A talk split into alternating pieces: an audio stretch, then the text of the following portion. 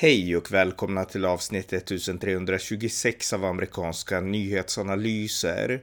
En konservativ podcast med mig, Ronny Berggren, som kan stödjas på swishnummer 070-30 28 95 0. Nyhetsflödet har de senaste dagarna präglats av en ny konflikt mellan israeler och palestinier. Vad handlar konflikten om och vad är det vi som svenska nyhetsintresserade behöver veta?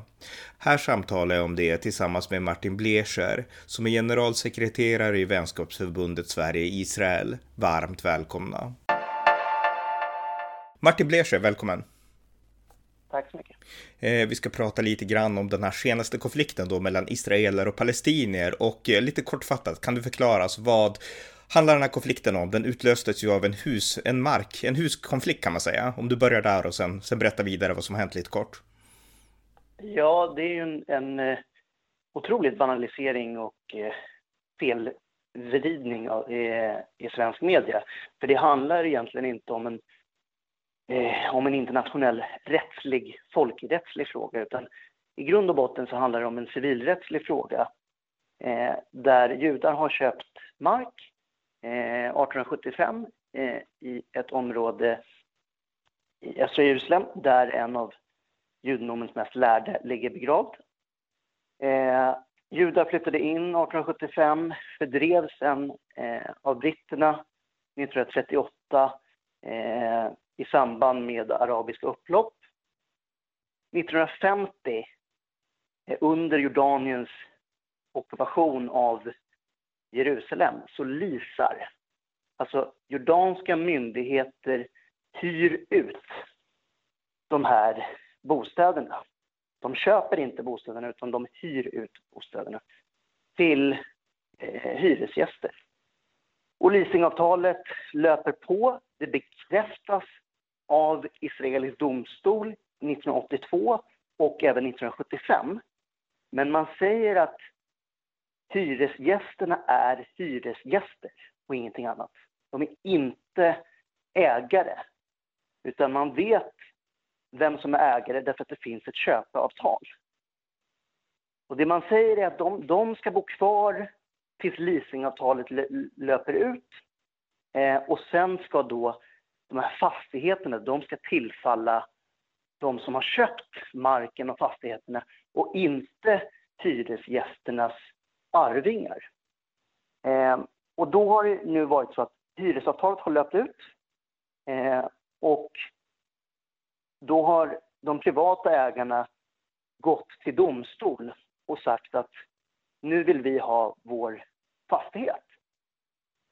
Och det, den lösning som finns på bordet som har kommit i olika domstolsinstanser eh, är att hyresgästerna ska få bo kvar mot att de betalar hyra.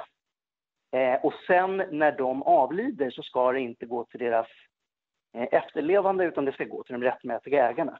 Det är på samma sätt som att säga jag bor i Stockholm. Jag betalar en hyra och en avgift. Eh, det tror jag majoriteten av människor i den civiliserade världen gör. Eh, och det är också den lösning som eh, har föreslagits av, av Högsta domstolen, eller av, av de domstolsinstanserna som finns nu i Israel. Fallet skulle prövats av Högsta domstolen. Eh, det har skjutits upp på grund av oroligheterna. Eh, så det som har komplicerat det här, det är att de här människorna har inte betalt hyra. Och det är också därför, det är också därför de har gått till olika instanser för att kräva det här. Och det framgår ju inte sådär jättebra. Nej, men alltså man gör det väldigt enkelt. Alltså här har vi markägare, judiska markägare som har ägt den här marken i ja, mer än hundra år. Eh, I, ja, I Turin i alla fall, då, även om man inte alltid har besuttit den här marken. Och eh, de här palestinska familjerna, de har fått hyra, precis som man hyr på ett vanligt sätt i Sverige, en lägenhet. Och eh, de har fått hyra det i flera generationer. Men till slut så säger avtalet att eh, när ni som nu till slut bor där dör så får ni inte lämna vidare, utan då ska den rättmätiga ägaren få ta tillbaks ja, lägenheterna, precis som det fungerar i Sverige och sådär. Och, men, men de har inte ens betalt hyra, för det var det jag tyckte var mest intressant. För hur ett vanligt avtal funkar, det förstår man, men de har alltså inte ens betalt den hyra som de borde betala.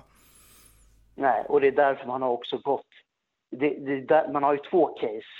till, till, eh, till de här districts court. Det, det ena är ju att avtalen har faktiskt löpt ut. De har tecknats på 50 eller 75 år och de har löpt ut så att egentligen så finns det ingen formell rätt för dem att vara kvar.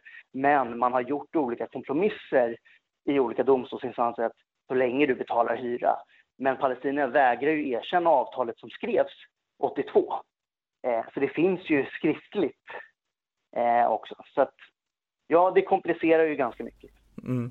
Men varför vägrar palestinierna det här då? Och vad är det som sen, för det här låter ju som en bostadstvist, vad är det sen som har utlöst den här stora, liksom internationellt, storpolitiska konflikten? Alltså jag tror att så här, de är spel också på krafter som vill se någonting annat. Alltså Fatah håller ju på att förlora Västbanken. De skulle förlorat Västbanken om det hade varit val. Mahmoud Abbas ställde in de tre valen. Eh, Hamas har också förlorat ganska mycket på den här konflikten utifrån att så här, ja, men Israel har tecknat fredsavtal med Bahrain, Sudan, eh, Förenade Arabemiraten, Marocko, där den palestinska frågan, där alla sa så här, oj, arabvärldens och hela världens problem löses bara om Israel och Palestina gör fred. Ja, den, har ju, den myten har man ju spruckit hål i. Eh, det är uppenbart att så har aldrig varit fallet. Och de har liksom, den har förlorat liksom sin centralisering i mångas ögon. Och då tar väl de här krafterna eh, den här situationen och gör det till någonting som det egentligen inte borde. Mm. Eh, men, men det som hände alltså, för det efterspelet av det här, det var ju liksom att det vart ett, ett bråk där på, ja, vad säger man, Tempelberget och, eh, och sen så eskalerade det därifrån. Kan du berätta lite, alltså det här, det rent, de här konfrontationerna och hur det eskalerade? Jag tror inte israelisk polis var riktigt förberedda på att man använder heliga byggnader till att smuggla in stenplattor, eh, flaskor eh, och stenar och, och, annat för att nyttja våld. Alltså i den civiliserade världen så används inte böneplatser eh, som ett sätt att bruka våld mot en civilbefolkning. Och därför tror jag att man togs off guard. Man blev, man blev överraskad eh, och visste liksom inte hur man skulle hantera det. Och då kan många i Sverige säga så här, ja men det är ju ändå primitiva saker, så här, stenar eller sluggor eller liksom så här. Ja, fast det beror på vad du ställs emot. Alltså, har en, ställs en soldat mot en, en, en sten på, på, på fem meters avstånd. Alltså det är ett dödligt vapen. Skulle, skulle soldaten ställas mot en sten 100 meter bort i, i, i, i, i fritt utrymme, ja då kanske situationen är annorlunda. Men utåt sett så är det varje persons skyldighet och rättighet att bedöma huruvida det här eh, är en situation som kan utvecklas till dödligt våld. Och jag tror att de stridande förbanden insåg det ganska snabbt att så här, det här är inga, det här är inga leksaksvapen. Nej. Men för att förenkla ännu mer, alltså den här bostadskonflikten då i östra Jerusalem som var en privat angelägenhet, den politiserades främst av Hamas, men kanske också av Abbas eh, på Västbanken. Och eh, eh, ja, och sen så smugglade palestinierna in alltså stenar och sådana saker till Al-Aqsa-moskén där de bad. Och eh, vi kan ju säga också för de som lyssnar att det är ju Israel som, som ger liksom palestinierna tillträde till den här moskén och liksom exklusivt tillträde. Israel skyddar alltså palestiniernas rättighet att, att be på en av sina heligaste platser då. Så att, eh, men man hade ändå smugglat in stenar och så. Och när beskedet om det här blåstes upp av Hamas, då började man kasta sten och sen så eskalerade konflikten därifrån. Går det, går det att säga så? Ja, men sen så kom det ju också raketanfall. Och, och skjuter du raketanfall där 70 75 procent av Israels infra, ekonomisk infrastruktur och befolkning befinner sig, Tel Aviv, Ashkelon, Lod, då, då har du liksom förändrat spelreglerna. Eh, och eh, det här är en sån beskjutning, här, den har man inte skådat tidigare. Därför att, därför att Iron Dome, alltså ett av Israels missilförsvar, som ska ta kortdistansraketer, eh, då, den har ju haft en träffsäkerhet på 90 procent. Men skjuter du 200 raketer på, låt oss säga, en halvtimme, ja, då då är det inte alls lika säkert att så här, den, den hinner med på samma sätt som de har gjort i de andra konflikterna. Alltså Qassam-raketer och sånt, det kostar väl ja, men, runt 300 dollar att tillverka. Ett Iron-batteri för att skjuta ner det här, det är mellan 50 och, och, och 100 000 dollar. Så att det är enorma summor som Israel lägger ner på missilförsvar. Mm. Och det här är alltså missiler som, som Hamas skjuter in från Gaza mot, mot Israel. Hur många har dött då, i, i Israel av de här attackerna? Jag måste bara poängtera att det är inte bara Hamas. Det är ju, det är ju Islamiska Jihad, det är Mahmoud Abbas mm. egen rörelse. Mahmoud Abbas hyllas av, av, av väst att han har tagit avstånd från våld. Under måndagen så fanns det en arabisk Facebook-post där, där Al-Aqsa, eh, martyrernas brigad skryter om hur många raketer de har skjutit in till Israel. Eh, som jag också har skrivit om på Facebook. Men det, det finns ju att ta del av. Så det, det, är olika rörelser mm. eh, nu. Men, men skjuts det även från Västbanken då, eller? Nej, det skjuts, det skjuts, från, eh, det skjuts från Gaza. Mm, just det. Eh, ja. Och miljoner israeler är ju skyddsrum. Ja. Hur, hur många dött ungefär i Israel? Ja, på den palestinska sidan så tror jag att det är väl lite, lite mer än 100-150 varav man, man, man estimerar att, att ungefär hälften är, om inte mer, är militanta. Och eh, Israel så har det just nu dött sex eller sju, men det är ju för att man har skyddsrum och man har missilförsvar. Mm. Um, ja, och, och, det, är ju, det är en enorm ekonomisk infrastruktur och förödelse som har förstörts. Och det är framför allt tror jag att många ser en psykisk terror. Man vet inte därför att så här, du har 15 sekunder på dig innan alarmet, alarmet ljuder och säger Hör, du måste in i skyddsrummet. Alltså en mamma måste alltså hämta sitt barn på övervåningen och ha 15 sekunder på sig. Mm. Eh, nu så, det, det, som väntar nu egentligen det är ju att, eh, eh, ja, jag vet inte om det kommer bli en markinvasion, alltså Israel har ju besvarat med flyganfall och sånt där in mot Gaza och förstört Hamas byggnader och liknande. Och eh, IDF är uppradade på gränsen mot Gaza och eh, jag vet inte om det har börjat eller om det är prat om en markinvasion, alltså vad är dina tankar där? Alltså, det var ju en sån 2014, vad resulterade det i och vad, vad kan det ge att liksom invadera på marken? Ja, framförallt så är det ju, det är ju risk för dödsoffer. Man vet ju inte eh, vad man, på, på ett, alltså israeliska dödsoffer på ett annat sätt än när du angriper från luften.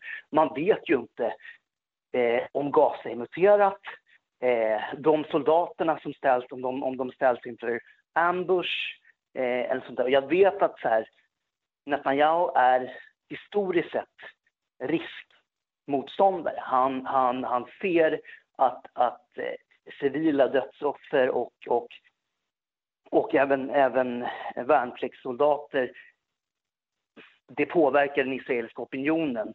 Samtidigt så inser man ju nu att så här, när, du, när, du, eh, när, du, när du har måltavla mot, mot centrala Israel och miljontals israeler samtidigt som du i andra städer sätter bränd på synagoger där det har, tidigare, där det har tidigare varit samexistens så inser ju Netanyahu att så här, det finns en gräns han kan visa återhållsamhet eh, till. Men det här är inte en, en, en, eh, ett beslut som han tar alena utan det är ju inrikesministeriet, försvarsminister, polischef, eh, in, eh, säkerhetskabinetten etc. Som, som tittar på det. Eh, och vad jag förstod redan i torsdag så hade man gått in något med marktrupper. Mm. Eh. Men, men, det, men det man hoppas göra med en sån, alltså med att gå in med marktrupper, det är, trupper, det är att kunna förstöra Hamas infrastruktur ännu djupare än man bara kan från luften, antar jag? Ja, absolut. Vi vet, vi vet att, att de använder civila byggnader och eh, eh civila måltavlor eh, för att skydda sina raketer, inte skydda sin befolkning. Och det är inte, du kan inte få 100% träff från luften. Eh, det, det, såg Israel eh, med Hizbollah 2006, där man bara eh, i inledningsfasen skötte kriget från luften. Men jag vill också tillägga att det skjuts ju raketer från Libanon också. Okej, okej. Eh, och det är Hizbollah alltså då? Till, ja. Mm. Och, och gör de det här, alltså de har bara tagit tillfället i akt, alltså det skjuts på Israel från Hamas och vi gör likadant, eller?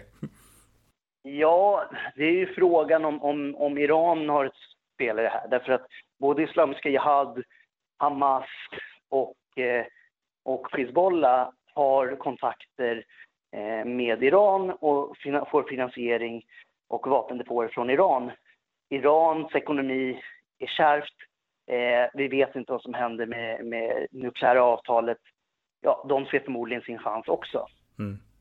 Eh, ja, en stor konflikt externt då i Israel, men det är också internt, du var inne på det lite grann, alltså det är bråk i, det finns ju olika, alltså det finns många araber som bor i Israel ska sägas, och eh, det finns städer där judar och araber bor tillsammans, och det har väl fungerat, jag kan inte kommentera i detalj, men fungerat hyfsat ändå. Men nu har det ändå blivit konflikter och stora interna bråk. Kan du berätta om det, och eh, är det här något nytt? Har, har det varit så här förut, internt i Israel? Eh, det här komplicerar mycket därför att, därför att för eh, några veckor sedan, eller någon vecka sedan, så fick oppositionsledaren Yair Lapid mandatet att försöka bilda regering från Netanyahu.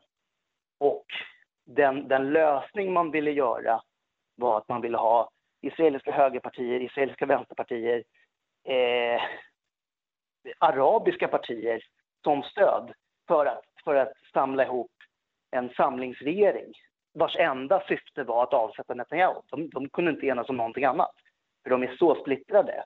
Och då ville man ju till och med, alltså israeliska högern var ju beredda att eh, samtala med eh, islamister för att, för att försöka rubba Netanyahus mandat och hans, hans premiärministertid. Eh, nu har man ju sagt att vi kan inte göra det, för att man förstår stämningarna på gatan och sinnesstämningen och, och de budskap som, eh, som finns i, i de här partiernas eh, eh, politiska eh, program. Och vad är det för budskap, bara väldigt kort?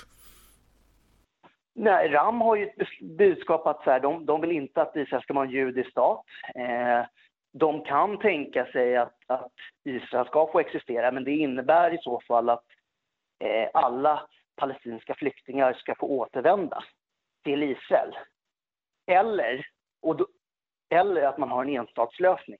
Så båda de två lösningarna är i, i praktiken en enstatslösning. För skulle fem miljoner palestinska flyktingar få, återkomma, få återvända till Israel, ja, då, då finns det ju ingen judisk stat längre och då kan inte Israel bestämma, eller judar bestämma över sitt eget öde längre. Nej. Mm. Eh, ja, eh, okej, okay. så att Netanyahu han blir, alltså han har stärkts av det här kan man säga så, så av den här konflikten då alltså? Ja, jag tror att, jag tror att eh, högersidan i det politiska spektrumet eh, Israel förstår att det är inte ett alternativ som är rimligt i nuläget. Mm. Men, men återigen, alltså de här bråken på, på, på gatan, alltså, har, har det varit så här förut? Har de här konflikterna funnits förut mellan araber och judar i Israel? Inte, inte i den utsträckning vi ser nu. Eh, alltså när man, jag tror att väldigt många israeler eh, har, har satt sin gräns. Att när man bränner synagogor, då, då är det liksom, det är ju, då är liksom botten nådd. Eh, och, och, det är ju flera städer som har eh, kännetecknats av fredlig samexistens som nu bubblar. Och det är därför, det är därför högern också säger att så här, vi kan inte göra det. Vi drar oss ur koalitionsavtalen för vi kan inte, vi kan inte se oss själva eh, eller till våra väljare och säga att det här, det här är någonting vi kan stå för. Nej. Eh, jag såg att Netanyahu höll ett tal, om det var igår eller häromdagen, där han sa att det alltså ni kan inte hålla på så här, alltså det är fel av, eh, liksom judar kan inte lyncha en arab och liksom araber kan inte bränna ner en synagoga, alltså det är helt fel och eh, ni måste följa lagen, sa han. Så han försökte ändå hålla samman och jag skulle vilja betona utåt, för min sista fråga till dig, sen ska vi gå in på lite lyssnarfrågor, men det är att, eh, alltså, eh, här i Sverige så beskrivs ju Israel ofta som skurken i, i svensk media, så det är i alla fall min uppfattning. Eh, men jag tycker att, alltså, det man kan se Israel, det är att Israel försöker ändå skapa ett community där även araber och till och med islamister tillåts skapa partier. Alltså det här är ju en pluralistisk nation som heter duga och eh, Netanyahu försökte verkligen betona att ni måste leva, ni, ni måste hålla sams helt enkelt, ni kan inte bryta mot lagen. Och eh, trots den här konflikten då så tycker jag att det är ju ett tecken något på pluralism, på den israeliska pluralismen. Men framkommer den bilden bra i svensk media tycker du? Eller har vi, vad är problematiken med, med liksom svensk medieskildring av den här senaste konflikten? Men, två saker. För det första, det är ju en stark anti-amerikanism i svensk media som får, som får upplopp i hur man, hur man bemöter också Israel. För man ser Israel och USA som liksom djävulens förlängda arm. Eh, sen har man också ett så här David och Goliat perspektiv. Man, man ser Israel som så här eh, Goliat och man ser palestinierna som, som David. Men det man inte tänker på det är att det finns ju inte många minoriteter idag i Mellanöstern som klarar sig.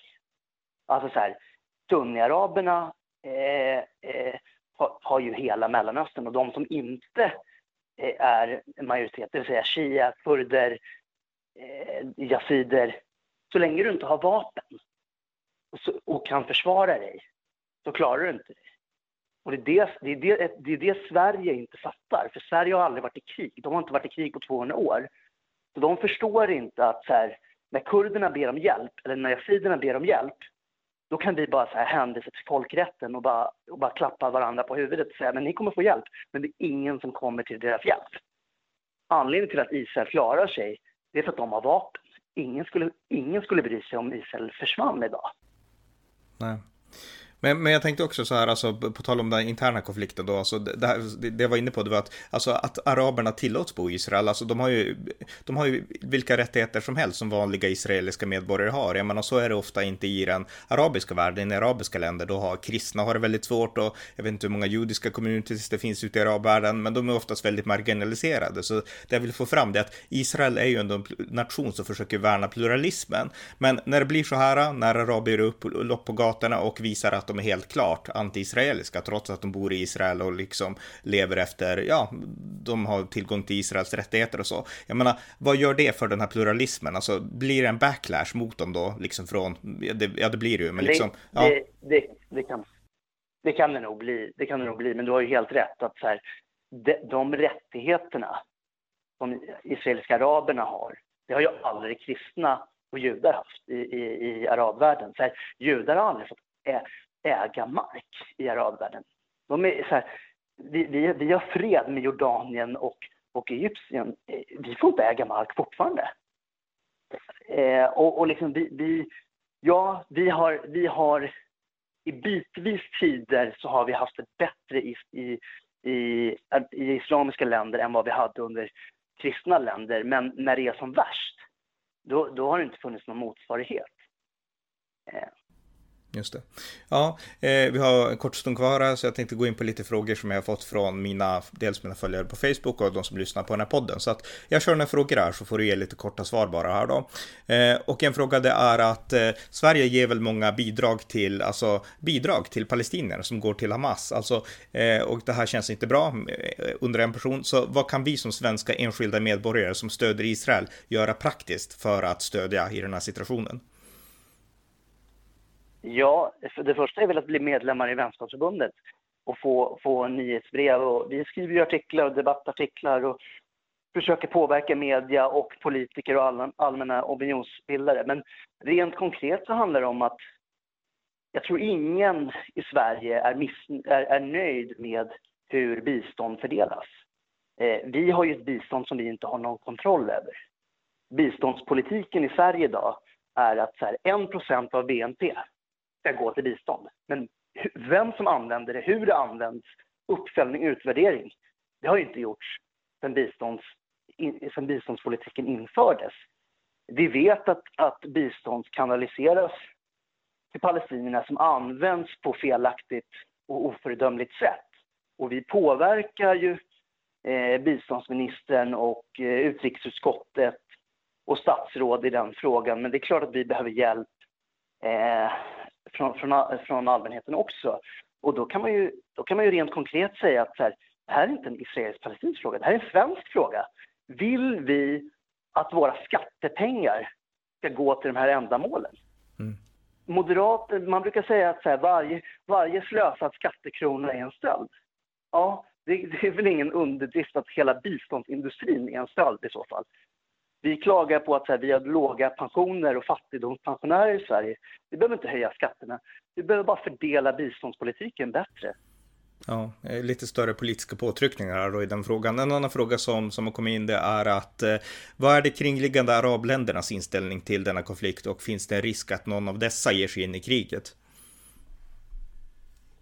som jag sagt för Libanon har ju, de har skjutit tre raketer redan. Eh, jag tror att eh, det är rätt så återhållsamma reaktioner än så länge. Jag vet att Arabförbundet eh, har sammankallat möte och fördömt Israel i sedvanlig ordning. Det är, det är brukligt. Men man ser också att de här normaliseringsavtalen eller fredsavtalen som Israel gjorde får sin effekt därför att man har människor från de här länderna, Marocko, Sudan, Bahrain, som skriver till vanliga israeler Stay safe, vi tänker på er. Så att det är ett annat klimat nu. Även om, även, om, även om det är klart att Jordanien och Sisi i Egypten måste fördöma vissa aktioner som Israel gör därför att annars så, så exploderar ju den arabiska gatan. Och det är ju ett resultat av 70 år eh, arabisk propaganda där man har intalat folket att så här, men, sionism är djävulen. Mm. Ja, eh, och det här för mig över till, alltså det här nya klimatet, det är ju en liten konsekvens av de här fredsavtalen och det var ju Donald Trump, USAs före president, som stod, ja, det var egentligen han som fick till stånd de här fredsavtalen som Israel har nu. Eh, hade den här konflikten som vi ser nu eh, kunnat, alltså hade den kunnat undvikas om Trump hade blivit, förblivit president? är En fråga jag fått. Eh, det är jag ju övertygad om, därför att, därför att eh, då skulle saudierna hoppa på, rent, rent formellt. Och, och, och hoppar saudierna på, det är ju, för Israel är det liksom diamanten. Eh, och, nu, nu, eh, och då hade förmodligen andra länder också hoppat på. Så att Biden, Biden gjorde ju, han gjorde ju två, han har gjort två kardinalfel än så länge. Ett, han, återupp, han eh, återfinansierade UNRWA. Här, här, alla världens flyktingar har ett organ, men palestinierna är så speciella så de har ett eget flyktingorgan. Och alla världens flyktingar eh, har... Deras status som flyktingar går inte i arv i generationer, men det gör, det gör ju palestiniernas. Eh, och Biden valde att så här, men vi tycker UNRWA gör ett bra jobb, så vi sätter in mer och mer pengar. Och han valde också att återinträda i FNs råd för mänskliga rättigheter. Och det kan ju folk tycka, men det är nobelt. Men där sitter ju Saudiarabien, där sitter ju Venezuela och, eh, och sådär. Och, och, där har man ju på, där har man en dagordning där man tar upp mänskliga rättigheter, brott mot mänskliga rättigheter i Israel. Mm. Det är en punkt. Nästa punkt på dagordningen är brott mot mänskliga rättigheter i resterande världen. Så att det är, en, alltså, det är helt obegripligt hur människorättsaktivister och humanister kan anse att det här är handlingar man gör för världsfreden. Mm. Ja, verkligen. Men alltså det du säger är att om Trump hade förblivit president så hade saudierna förmodligen liksom försökt få palestinierna att inte liksom gå in i den här konflikten och då hade palestinierna lytt. Eh, kan man göra det så enkelt? Saudierna har stor påverkan och inflytande på, på, på palestinierna. Och eh, hade, de, hade, hade Israels eh, samarbete fördjupats ännu mer med saudierna så hade de kunnat influera palestinierna på ett annat sätt eh, än, än, vad, än vad Biden eh, gör idag. Biden är i princip en lame duck. Mm. Alltså man vet, ju inte, man vet ju inte om han fungerar eller om han är dement och låter andra... Han, han uttalar ju sig aldrig, just för att man vet inte hans hälsosituation. Nej. Och, eh, och det han gör nu, alltså med alltså de här bidragen till de palestinska flyktingarna och liknande, dels kan vi säga att de här bidragen används för att eh, eh, finansiera terroristfamiljer. Jag vet inte exakt hur det fungerar, men, men jag tror att man ger ersättningar då till, till alltså änkor och sånt här. Till, alltså om man dör martyrdöden, då får familjerna väldigt mycket pengar och de pengarna plockar man från de här liksom FN-bidragen, tror jag i alla fall. Du får korrigera mig om jag har fel där. Men, men eh, alltså vad Biden har gjort, det är att han har backat, backat politiken till hur politiken var för sex år sedan, alltså där man ska liksom se de här två parterna som lite jämlika och försöka hitta balansen lite grann istället för att göra det här äh, tydliga moraliska ställningstagandet att om ni brukar våld så, ja, tyvärr så, så kan vi inte stödja er då. Ja, alltså Biden, Biden har ju ingen egen politik. Biden har en politik som utgår från att vara anti-Trump. Det Trump gör, det, han, det gör han reverse. Han har ingen motivering till varför han gör det, mer än att det Trump har gjort är dåligt. Och det är ju de här två exemplen som UNRWA och FNs råd för mänskliga rättigheter som, är, som absolut inte går att motivera på något humanitärt grund som helst. Nej. Eh, tiden runt ut så vi ska avsluta, men jag tänkte fråga, du nämnde, du är alltså generalsekreterare för vänskapsförbundet Sverige-Israel och du tyckte man skulle följa er. Hur gör man det konkret? Nej men, eh, gå in på sverigeisrael.se eller eh, mejla oss på info.sverigeisrael.se. Vi, vi skickar ut nyhetsbrev en gång i veckan eh, och där, där vi dels tar upp internationell media, vi skriver ju också väldigt mycket eh, och vi tar upp svensk media. Vi analyserar och, och, och vi, vi, sitter med i paneldebatter och sånt där. Vi tar jättegärna emot om man blir medlem. Det kostar 200 kronor per år, 300 per familj. Så det är inga enorma astronomiska summor. Eh, men ja, allt stöd vi kan få är jättetacksamt. Mm. Okej, okay, men tack så mycket Martin Belescher. Tack för informationen. Det var avsnitt 1326 av amerikanska nyhetsanalyser. En podcast som finns för att ge det konservativa perspektiv på tillvaron som svensk media inte ger.